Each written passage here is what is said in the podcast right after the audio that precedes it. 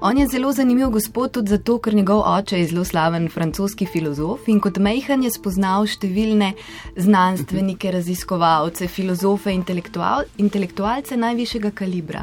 In kar je opazoval, je bil, bi bilo to, da ti ljudje, ki so lahko izjemni, genialni, sjajni, so lahko človeško izjemno nizkotni, eh, zlobni ali pa popolnoma izgubljeni, samodestruktivni, uničevalni do bližnjih. In je ugotovil, da sam ne želi po tej poti. Um, to je bila tudi moja izkušnja iz otroštva. Imela sem tako življenjsko situacijo, da sem imela priložnost zelo zgodaj spoznati ljudi, ki z zelo veličastnimi intelektualnimi karjerami.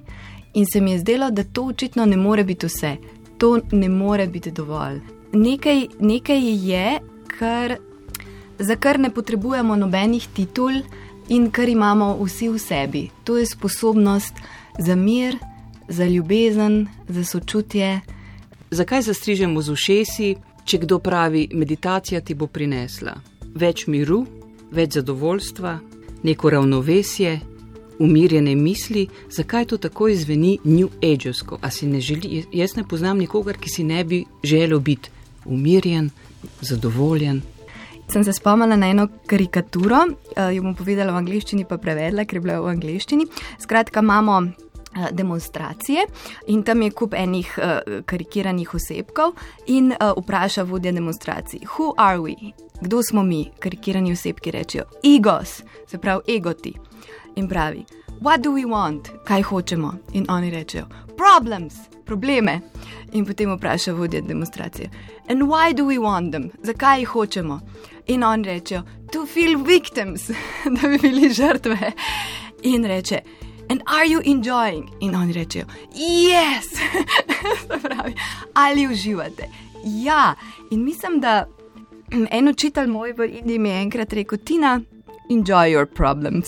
In takrat se mi je zelo posvetila, se pravi, uživaj v svojih problemih. Ker v tistem trenutku, kar sem počela, je bila, bilo, da nisem hotela spustiti svojih problemov.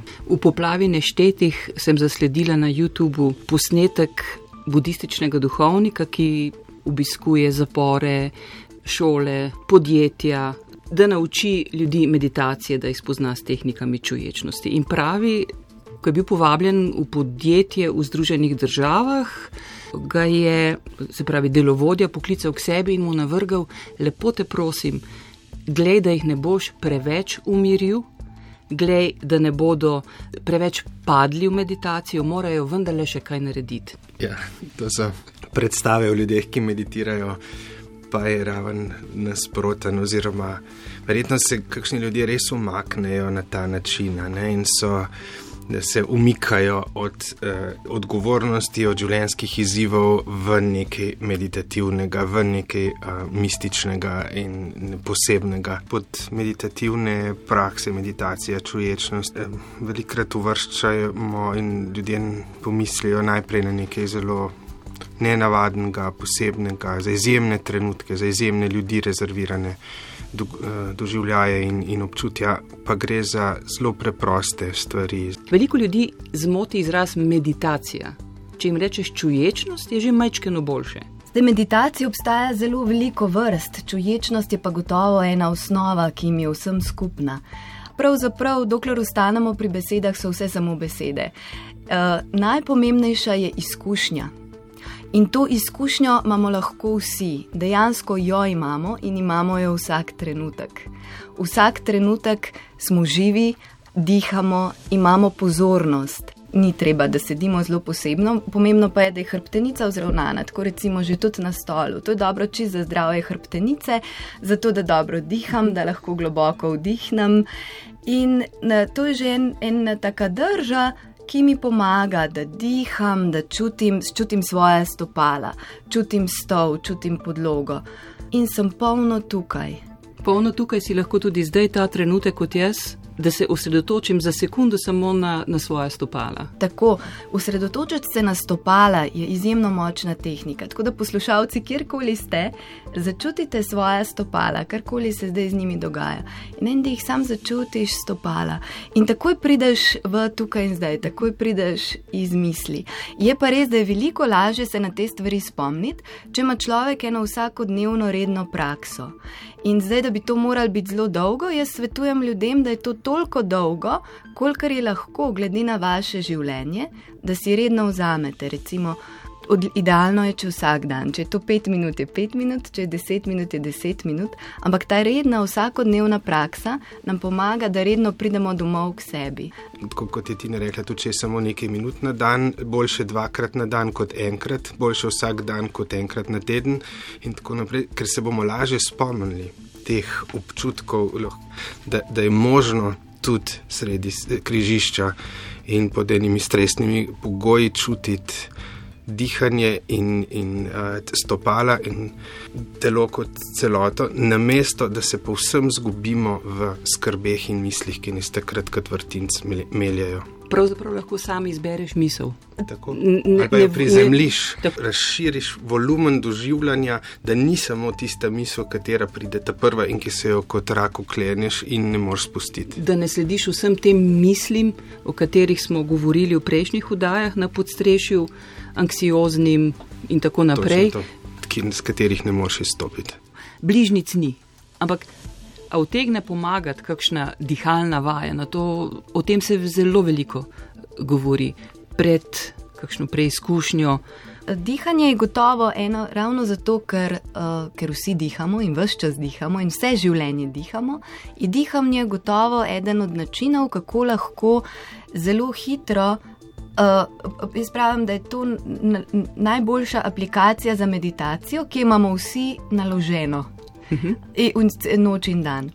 In uh, zato preko diha lahko tudi marsikaj, ker, ker je dih po eni strani avtomatičen in po drugi strani ga lahko uravnavamo, lahko marsikaj uh, z dihom tudi, um, uh, si tudi pomagamo. Recimo, zelo pomagam globoko dihanje, enostavno, če, če nič se niste nikoli učili dihati, samo kolikor morate globoko dihati skozi usta, globoko izdih. Skozi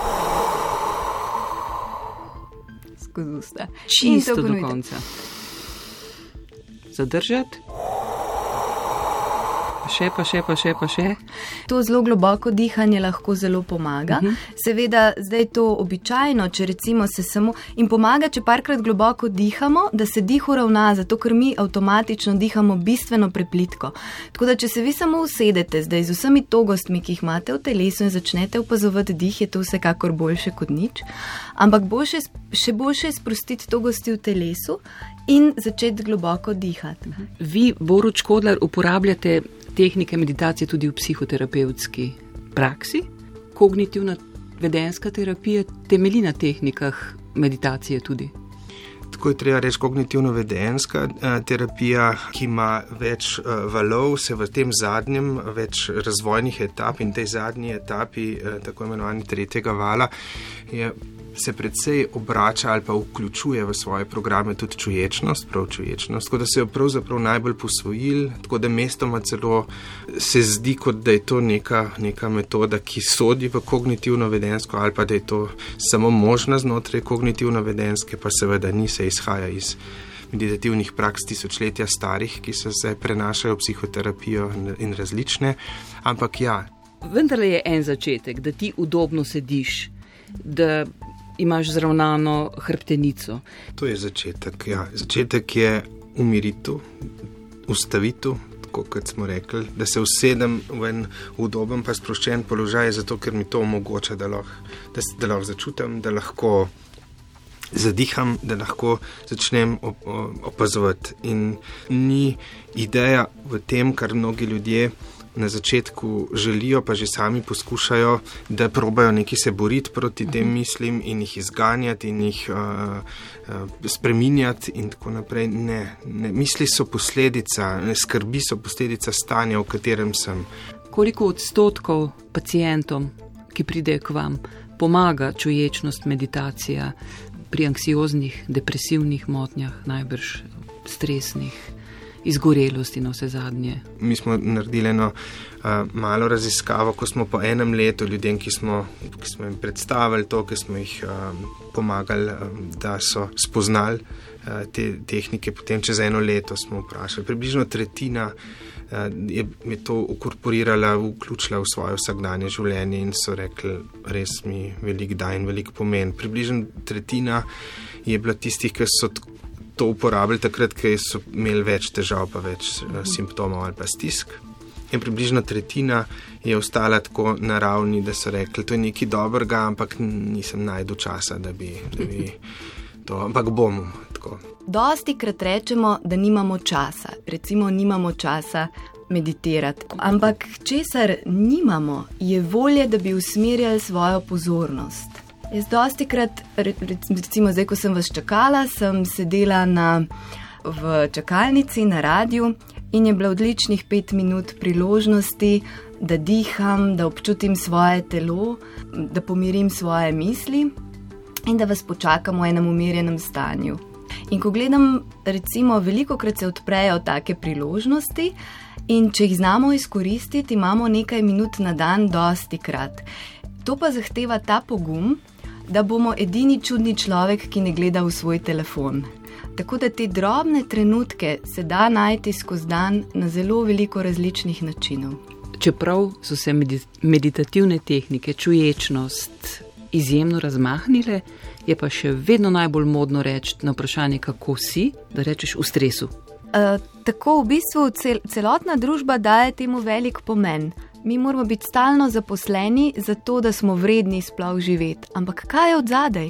Od zadaj je ena strašna kolektivna travma, od katere vsi skupaj bežimo. Torej, jaz prej, ko sem sedela v miru v avli in opazovala ljudi, vsi so delovali zelo zaposleno. Ampak kar jaz vidim zadaj, je, da ne bežijo opravkom naproti, ne bežimo, kadar smo v takem stanju opravkom naproti, ampak smo nenehno na begu stran od sebe stran od tega, kar čutimo.